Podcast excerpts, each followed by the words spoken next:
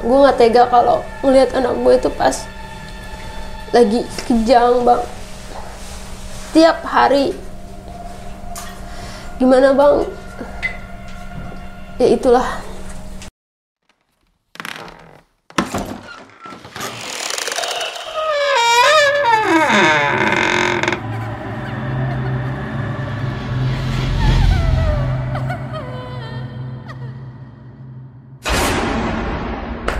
Assalamualaikum warahmatullahi wabarakatuh. Balik lagi di ngobrol.com dengan Gojambe, salam lestari. Nah, teman-teman, pada kesempatan kali ini kita udah kedatangan narasumber, Sherly. Apa kabar, Sher? alhamdulillah baik bang Dan malam ini kita udah ketempatan di base campnya Sherly nih, gitu. Nah, uh, Sher, kira-kira apa sih yang mau diobrolin malam ini? Nah, gue di sini mau menceritakan soal pengobatan anak gue, Bang. Jadi anak gue itu lah eh, semenjak lahir itu udah didiagnosa sakit kayak gitu. Dan gue udah beberapa ke dokter, udah beberapa ke orang pintar juga dan itu katanya ada hal mistisnya, Bang. Ada non medis. Kayak gitu.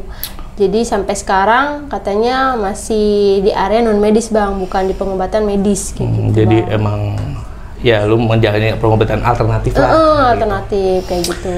Jadi gitu teman-teman, eh, apa yang mau diceritain sama Shirley, kisi-kisinya. Nah, sebelum mulai videonya, jangan lupa buat teman-teman subscribe, like, komen buat ngobrol.com dan terima kasih saran dan kritiknya buat ngobrol.com. Semoga ngobrol.com makin baik ke depannya. Amin. Nah, tanpa berlama-lama, kita langsung dengerin aja cerita dari Shirley.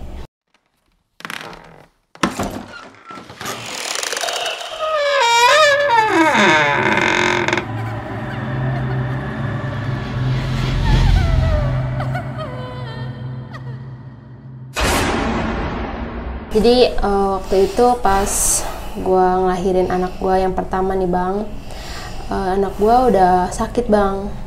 Kita udah ke dokter ya bang ya, maksudnya ke dokter A, ke dokter B, ke dokter ya banyak banget dokter yang gue datengin gitu. Dan itu eh, diagnosanya itu berbeda-beda bang.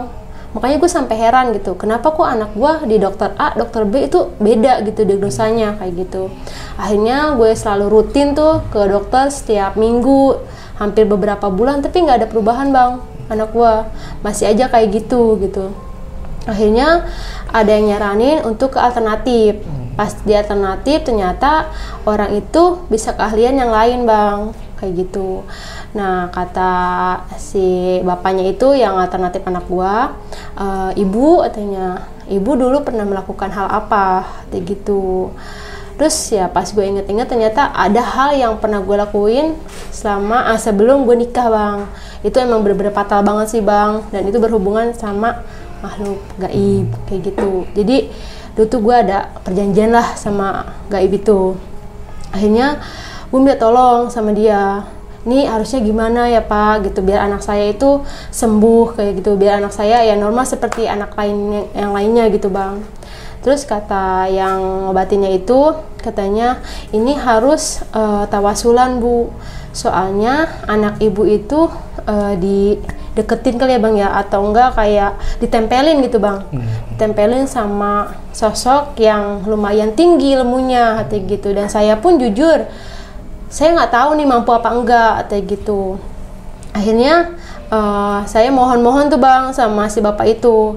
Saya mohon biar anak saya itu dibantu gitu bang untuk bisa sembuh lagi gitu kan. Nah setelah itu eh, dia bilang kayak gini ya udah bu kita tawasulan selama dua hari. Nah pas kita tawasulan itu kita harus kayak nyiapin beberapa sesajen bang. Soalnya kan ini kita mengundang itunya bang kayak mengundang sosok yang ada di tubuh anak mbaknya gitu anak ibu akhirnya ya gue sih sebenarnya percaya nggak percaya sih bang. Karena ya gue juga ngerasa kalau dulu itu gue pernah ngelakuin hal yang fatal juga bang. Mungkin berdampak ke anak gue sekarang gitu. Akhirnya ya udahlah gue kompromi sama keluarga sama suami dan suami pun nyetujuin hanya gue eh, gue tawasulan tuh selama dua hari. Di situ kita harus sediain itu kayak kelapa hijau kayak gitu. Terus bunga-bunga kayak bunga tujuh rupa kayak gitu bang. Terus eh, ayam bekakak kayak gitu. Terus eh, kopi manis kopi pahit sama telur bang. Gue lupa antara telur bebek sama telur angsa kayak gitu. Itu dua. Nah pas eh, kita mulai tawasulan tuh bang. Itu kan malam-malam bang. Itu uh, ada suami ada gua nih bang sama dua orang yang bantuin buat tawasulan kayak gitu itu sekitar jam 12 malam bang. Pas malam Jumat. Pas malam Jumat di mulainya itu uh, kita berempat itu uh, disuruh kayak selawatan bang. Sambil merem. Selawatan sambil merem kita pegangan tangan. Nah tiba-tiba bang di atas atap yang platform itu kedengar suara gede banget bang. Kayak ada yang jatuh tapi gede banget gitu bang.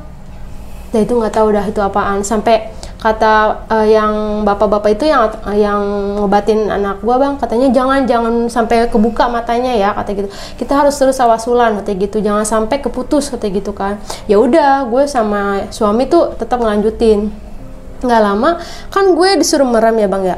Itu di di penglihatan gue tuh ngeliat sosok bang. Gue tuh ngeliat sosok uh, gue sih nggak terlalu jelas ngeliat sosoknya tapi mukanya itu serem kayak alien gitu bang. Gimana ya matanya itu hitam terus ininya tuh sampai lonjong ke bawah dan gitu sampai gini nih bang. Tapi gue nggak terlalu jelas itu karena kan merem juga ya bang ya.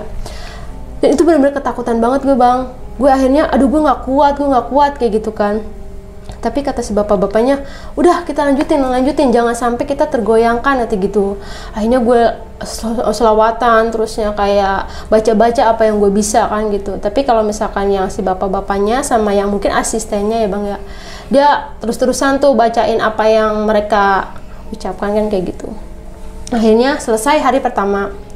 Selesai hari pertama yang keduanya itu kita tawasulan lagi bang katanya ini yang terakhir tawasulan kita. Gitu. Mudah-mudahan uh, yang ada di badan anak mbak itu bisa lepas. Gitu.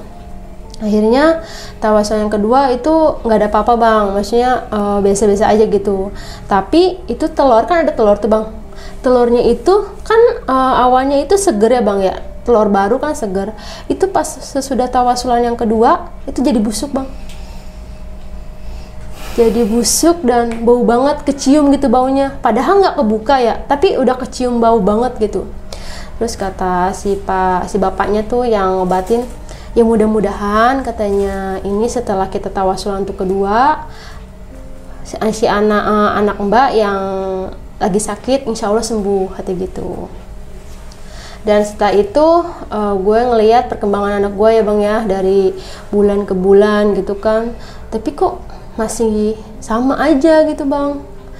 Masih sakit keadaannya masih belum ada perubahan sama sekali. Kata gue apa bapak itu sekedar hanya bisa gitu tapi nggak nggak bisa untuk melepaskan si makhluk itu dari tubuh anak anak gue bang kayak gitu. Akhirnya gue ber, berobat lagi bang ke dokter. Gue berobat lagi ke dokter dan alternatif juga bang gue alternatif sini alternatif situ. Aduh gue udah banyak banget bang. Karena gue tuh pengen banget gitu bang. Anak gue sembuh. Gue pengen anak gue itu normal kayak yang lainnya gitu.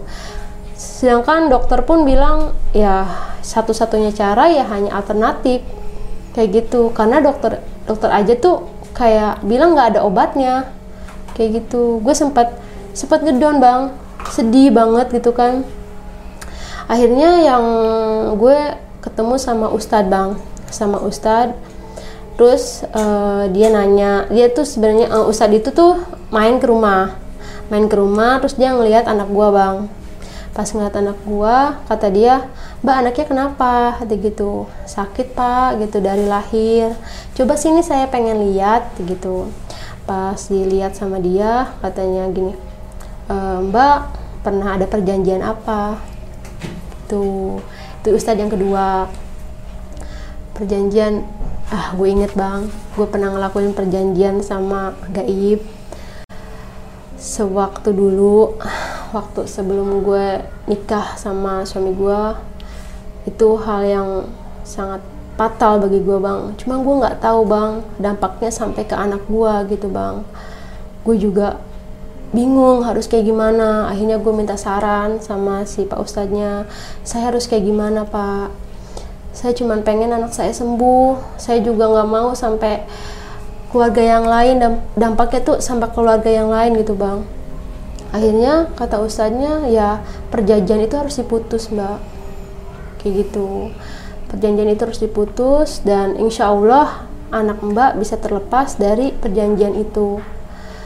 Gue sih sampai sampai mikir ya bang ya gue harus kayak gimana harus kayak gimana. Akhirnya kata pak ustadznya coba mbak sholat tahajud dulu.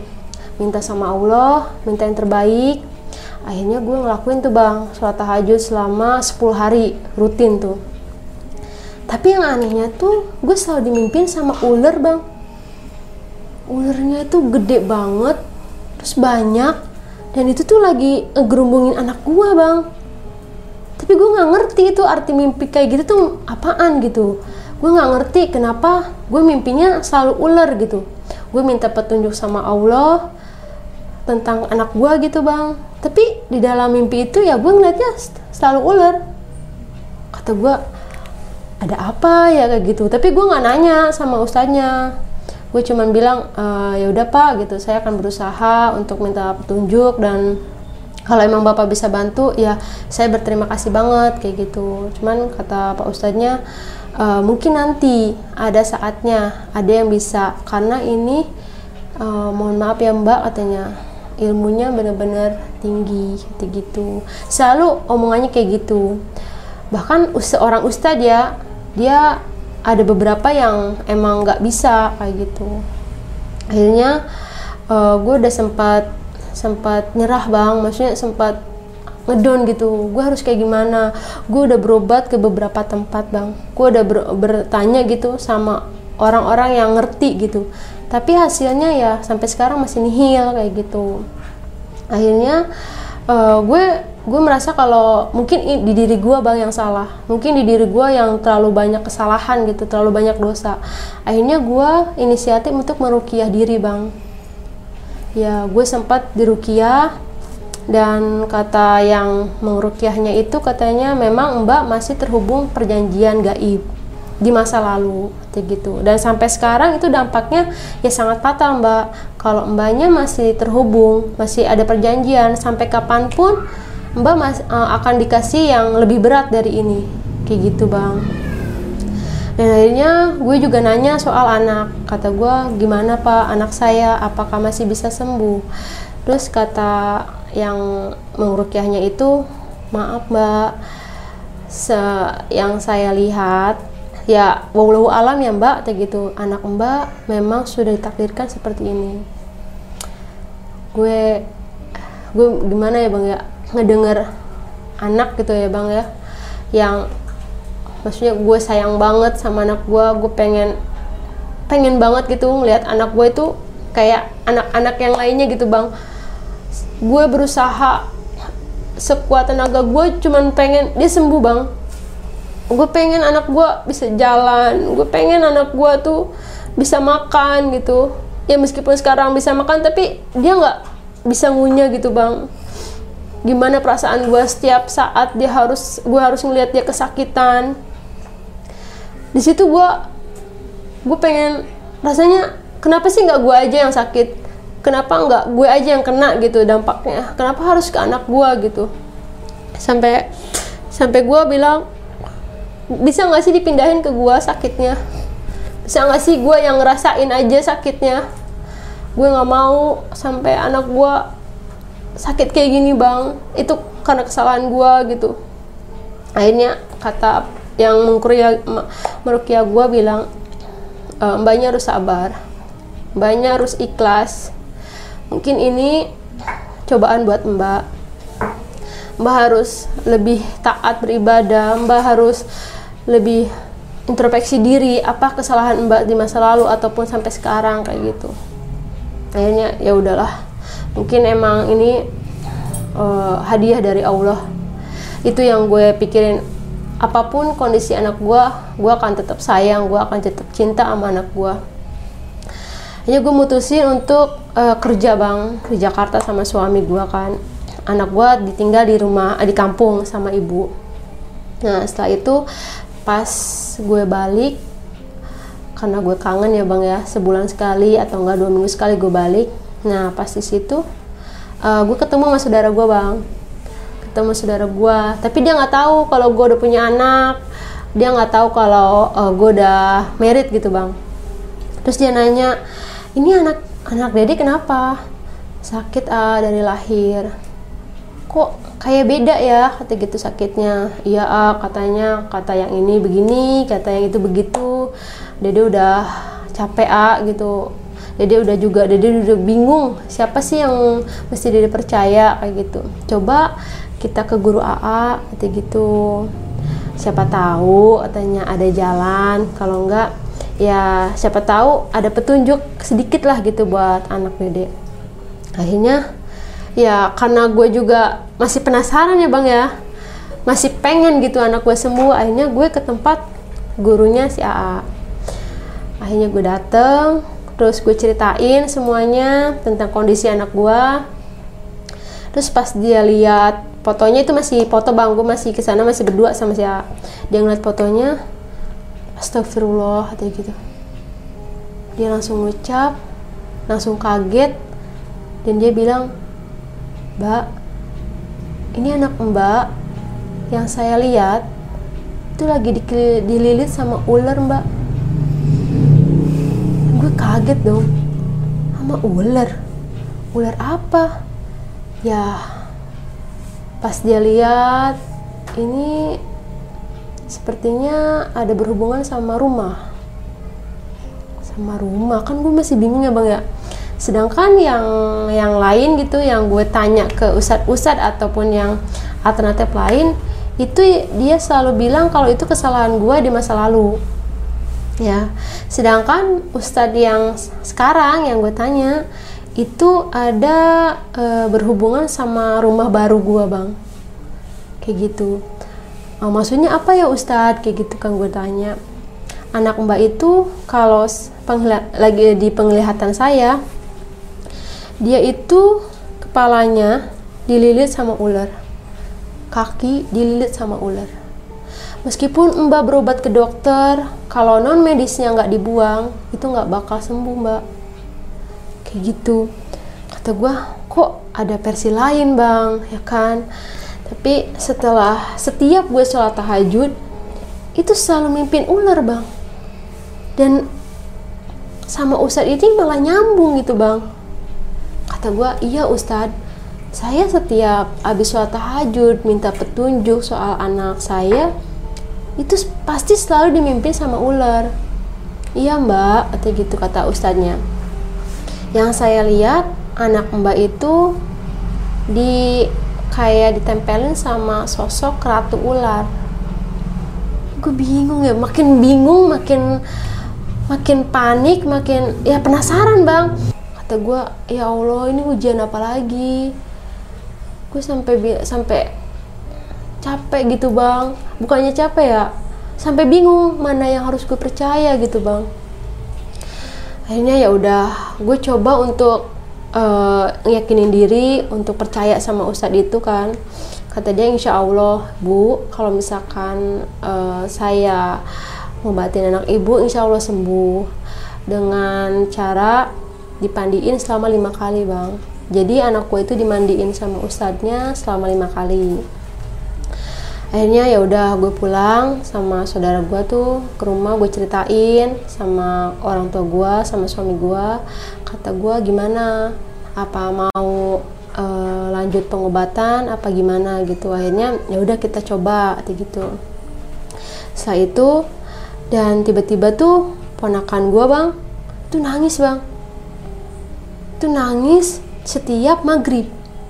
Nangis setiap maghrib kata gue ini anak kenapa ya? Apa ada yang sakit? Apa dia kenapa? Gitu kan.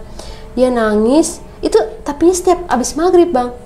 Besoknya besok itu setiap abis maghrib pasti aja nangis.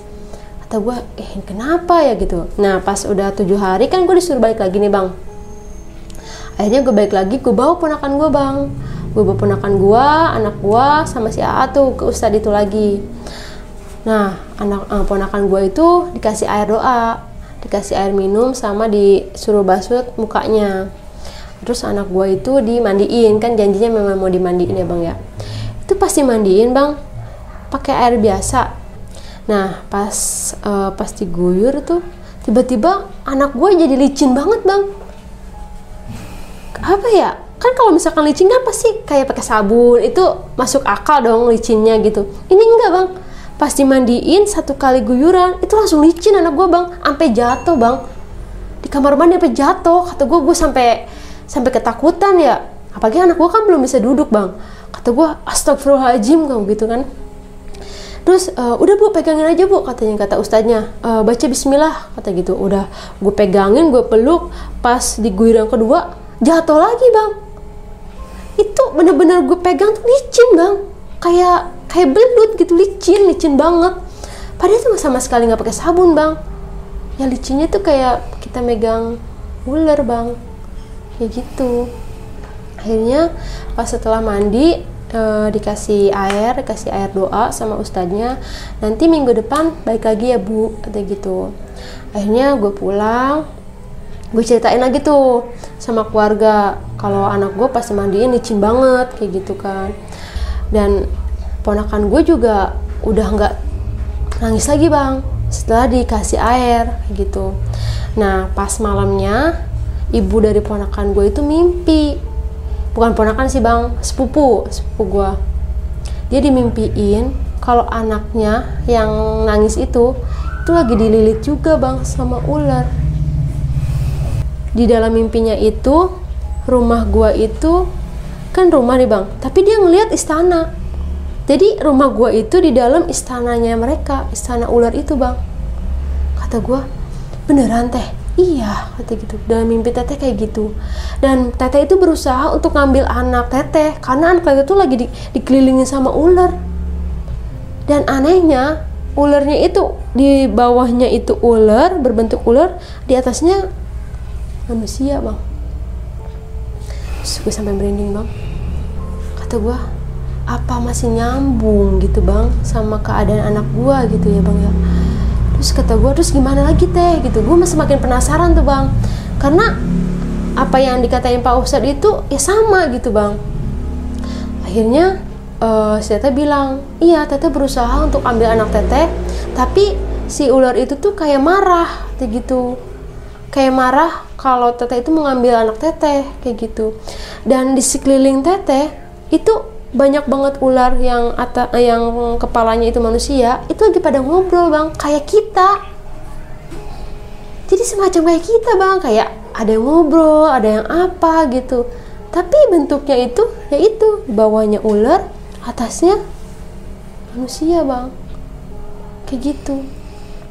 Akhirnya pas saya kebangun teteh langsung uh, ngambil air wudhu terus cerita sama suami teteh kayak gitu akhirnya gue gue sempet bingung sih bang sempet mikir apa benar gitu kan apa yang dikatain Pak Ustadz kayak gitu. Sampai-sampai saudara gue pun dimimpiin hal yang seperti itu gitu bang. Akhirnya minggu berikutnya gue datang lagi ke Pak Ustadznya bang.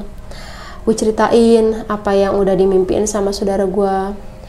Terus gue nanya sama dia Pak Ustadz sebenarnya ada apa sih? Ada apa dengan rumah saya? Gitu. Akhirnya Pak Ustadznya nanya e, rumah ibu dibikin kapan? Gitu. E, bapak itu bikin rumah pas tahun 2017 pas keadaan gue lagi hamil bang. Keadaan gue lagi hamil. Nah e, rumahnya itu awalnya itu sawah bang. Tanahnya itu awalnya itu sawah gitu. Tapi dibikin rumah jadi rumah gue itu paling pojok dan sampingnya pun masih sawah. Dan di belakang itu ada kolam kolam ikan tapi ya enggak gede-gede amat gitu. Maksudnya masih kecil lah gitu. Kata pak ustadznya uh, pas bapak ibu bikin rumah bapak ibu itu nggak minta izin. Kalau enggak enggak permisi gitu. Kalau yang saya lihat di sekitar rumah ibu itu masih terbilang mistis karena masih maaf ya bu masih pedesaan kayak gitu. Dan itu pun kerajaan itu tuh udah ratusan tahun bu. Kerajaan itu udah dari lama banget udah ada kayak gitu. Dan bapak ibu bikin rumah pas banget di kerajaannya. Kayak gitu bang. Jadi kerajaan nah bapak gue bikin rumah di situ bang kata gue ya Allah ada lagi. Sebenarnya gue bingung bang. Gue harus percaya yang mana kayak gitu. Terus solusinya apa pak ustadz saya cuma pengen anak saya sembuh kayak gitu. Terus kata pak ustadznya ini berat sih bu. Karena bapak ibu uh, kayak kayak melukai salah satu dari ular itu. Ya kan kalau bapak gue kan nggak bisa ngelihat hal-hal kayak gitu ya bang ya. Jadi ya bikin rumah ya udah bikin rumah aja gitu. Dia nggak pernah uh, dia nggak bisa ngelihat kalau di situ tuh ada sesuatu kayak gitu. Dia nggak bisa lihat. Kayak gitu. Dan pas gue selesai rumah pun ya kita selamatan gitu bang. Selamatan rumah kayak gitu. Tapi ternyata si makhluknya itu udah sakit hati. Kayak kayak dendam gitu bang. Karena salah satu dari anggotanya itu terluka sama bokap gitu. Dari situ uh, eh, gue sempat mikir memang ada beberapa orang yang bilang kalau di belakang rumah gue itu kalau misalkan dilihat dari sisi lainnya bang ya itu istana ular. Kayak gitu bang terus gue bilang ya udah pak uh, saya udah bingung harus kayak gimana. Saya udah berobat ke sini ke sana udah semuanya udah saya lakuin kayak gitu untuk bisa anak saya sembuh kayak gitu. Saya minta solusi saya juga minta tolong saya harus kayak gimana. Mbaknya nggak boleh putus untuk berdoa untuk minta sama Allah minta yang terbaik untuk anak. Saya sekedar membantu saya sekedar saya nggak bisa apa-apa mbak atau gitu. Saya sekedar hanya bisa apa yang saya bisa untuk anak mbak atau gitu. Akhirnya uh, terus solusi terbaik tuh apa ya pak ustadz ya salah satunya itu antara rumah mbak dibongkar sedikit dan kalau enggak kita tanya apa kemauan dari makhluk itu? Kayak gitu bang. Nah karena ini baru baru gue berobatnya itu baru dua kali bang ke dia. Itu pun baru kemarin ya bang ya. Jadi untuk selanjutnya untuk uh, berobat ketiga minggu depan gue ke sana kayak gitu. Dan gue udah bilang sih sama keluarga gue kalau misalkan apa yang dikatakan Pak Ustadz gitu bang kalau misalkan bapak itu kayak melakukan kesalahan gitu pas bikin rumah itu ya mungkin bukan kesalahan ya bang ya. Karena kan kita nggak tahu ya bang. Tapi ya namanya kita hidup kan pasti kita berdampingan bang sama makhluk seperti itu gitu. Tapi sayangnya kita yang nggak bisa ngelihat tapi mereka yang bisa ngelihat kita gitu bang. Ya mudah-mudahan ya bang.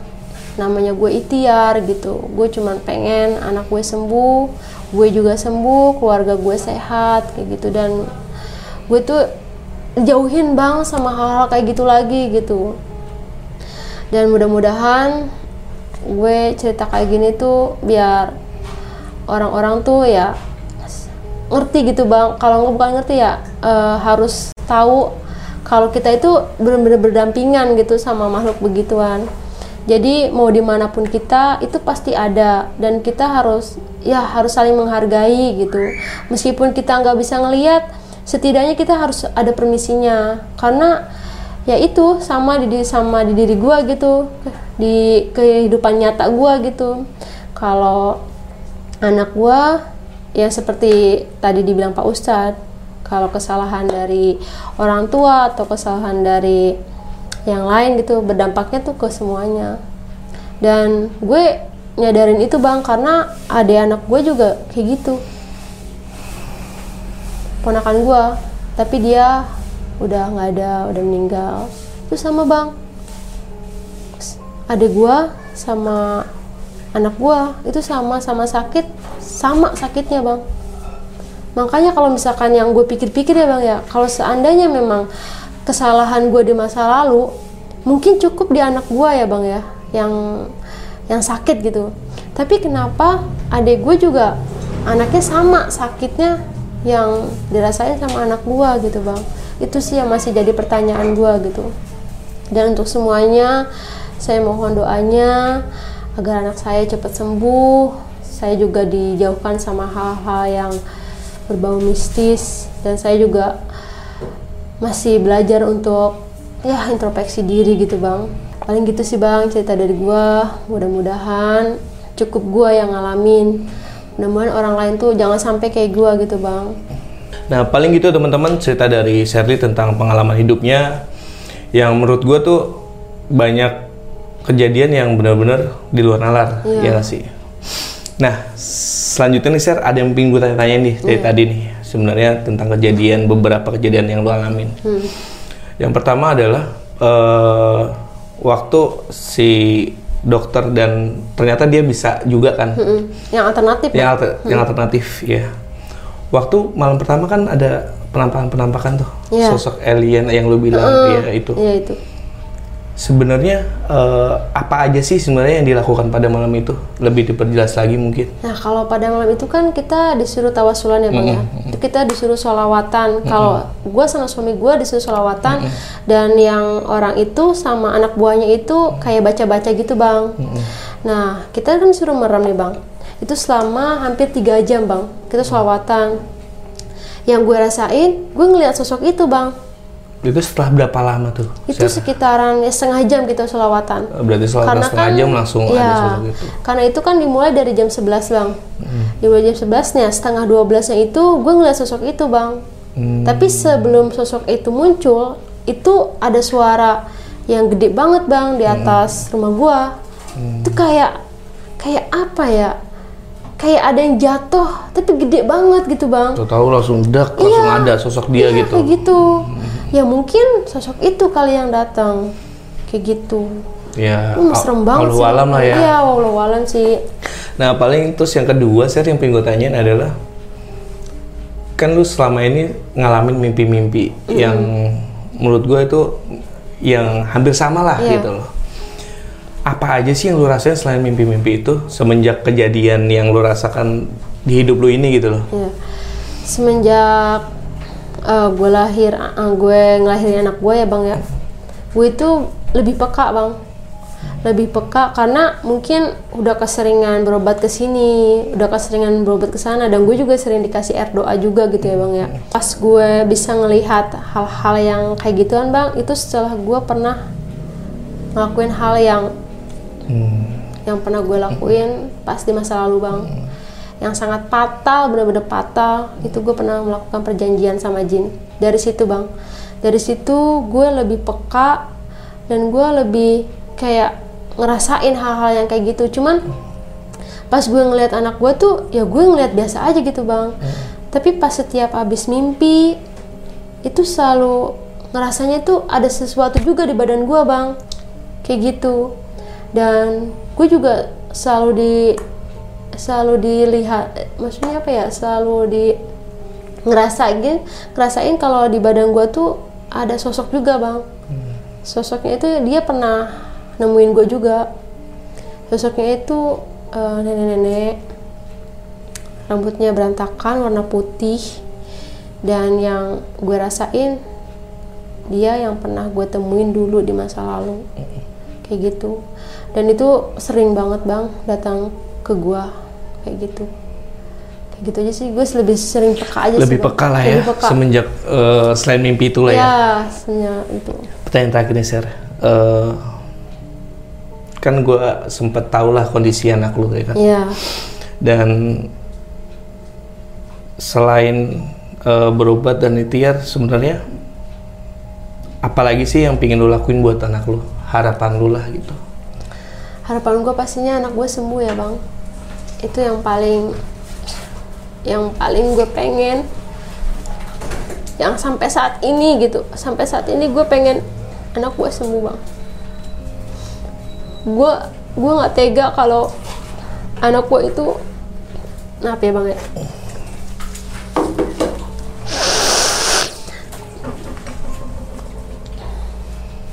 gue nggak tega kalau ngelihat anak gue itu pas lagi kejang bang. Tiap hari. Gimana bang? Ya itulah. Itu yang paling gue pengen bang. Itu yang paling paling gue pengen cuma anak gue sembuh. Dan bodoh amat gue ngedengar orang lain yang bilang anak gue kagak bakal sembuh. Anak gue emang ditakdirin seperti ini yang penting gue pak selalu berusaha bang selalu berusaha untuk anak gue Bismillah lah ya, Sir ya. iya Bismillah. Dan paling pesan-pesan buat teman-teman di rumah tentang pengalaman hidup lu apa sih, Sher? Kira-kira yang bisa dibagi? Iya. Iya. Banyak sih bang kesalahan-kesalahan gue di masa lalu. Gue juga pernah. Gue akuin gue pernah ngelakuin hal yang fatal, hal yang sangat fatal. Dan itu berhubungan sama makhluk kayak gitu bang. Dan gue cuma pengen jangan pernah kalian untuk berhubungan ataupun membuat perjanjian sama jin itu jangan pernah bang jangan pernah sekali-kali dan untuk kalian juga kalau memang uh, ada anak kalian yang sakit ataupun yang terlihat yang berbeda gitu ya jangan terlalu percaya sama dukun sih bang. Kalian ini pengalaman gue bang. Gue kedukun bukan dukun sih bang. Mungkin gue bilangnya orang pinter ya Iya. bang. Yang orang yang bisa ngerti gitu. Gue udah ke sini ke sana ke sini ke sana akhirnya banyak yang ya cuman itu doang bang. Cuman bilang bisa bisa. Tapi sampai saat ini tuh ya nihil gitu bang. Ya mudah-mudahan bang dengan ustadz ini yang berhubungan sama mimpi gue juga gitu bang mudah-mudahan bisa gitu untuk dikasih kesempatan untuk anak gue gitu bang Eh, paling gitu teman-teman pesan-pesan dari Shirley dan buat teman-teman di rumah juga gue mohon kita bantu doa lah buat kesembuhan Amin. anaknya Shirley dan kondisi Shirley sendiri gitu. ya Dan buat teman-teman jangan lupa juga buat subscribe eh, YouTube-nya Shirley. ya Boleh dikasih tahu ke teman-teman. ya YouTube gue namanya Diary Neng Serly gitu. Jangan lupa subscribe. Jangan lupa subscribe Jangan lupa subscribe, jangan lupa komen buat ke Diary Neng Shirley. ya Dan paling buat teman-teman jangan lupa juga subscribe buat ngobrol.com dan terima kasih eh, udah lihat video ini dan jangan lupa saran dan kritiknya buat ngobrol.com semoga ngobrol.com semakin baik ke depannya. amin Terima kasih teman-teman buat waktunya. Stay tune terus di ngobrol.com.